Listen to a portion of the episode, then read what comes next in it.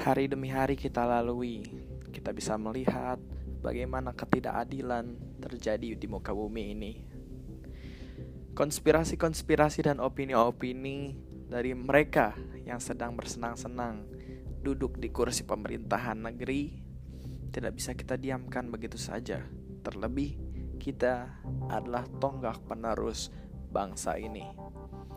Ke depannya, podcast ini akan membahas, akan membantu, dan akan menyindir dengan pasti bagaimana para pemimpin-pemimpin yang sedang berada di kursi sana dengan ketidakadilannya, dengan segala-segala cara mereka di dalam menyikapi jabatannya dan kritik tentunya untuk memperbaiki negeri ini.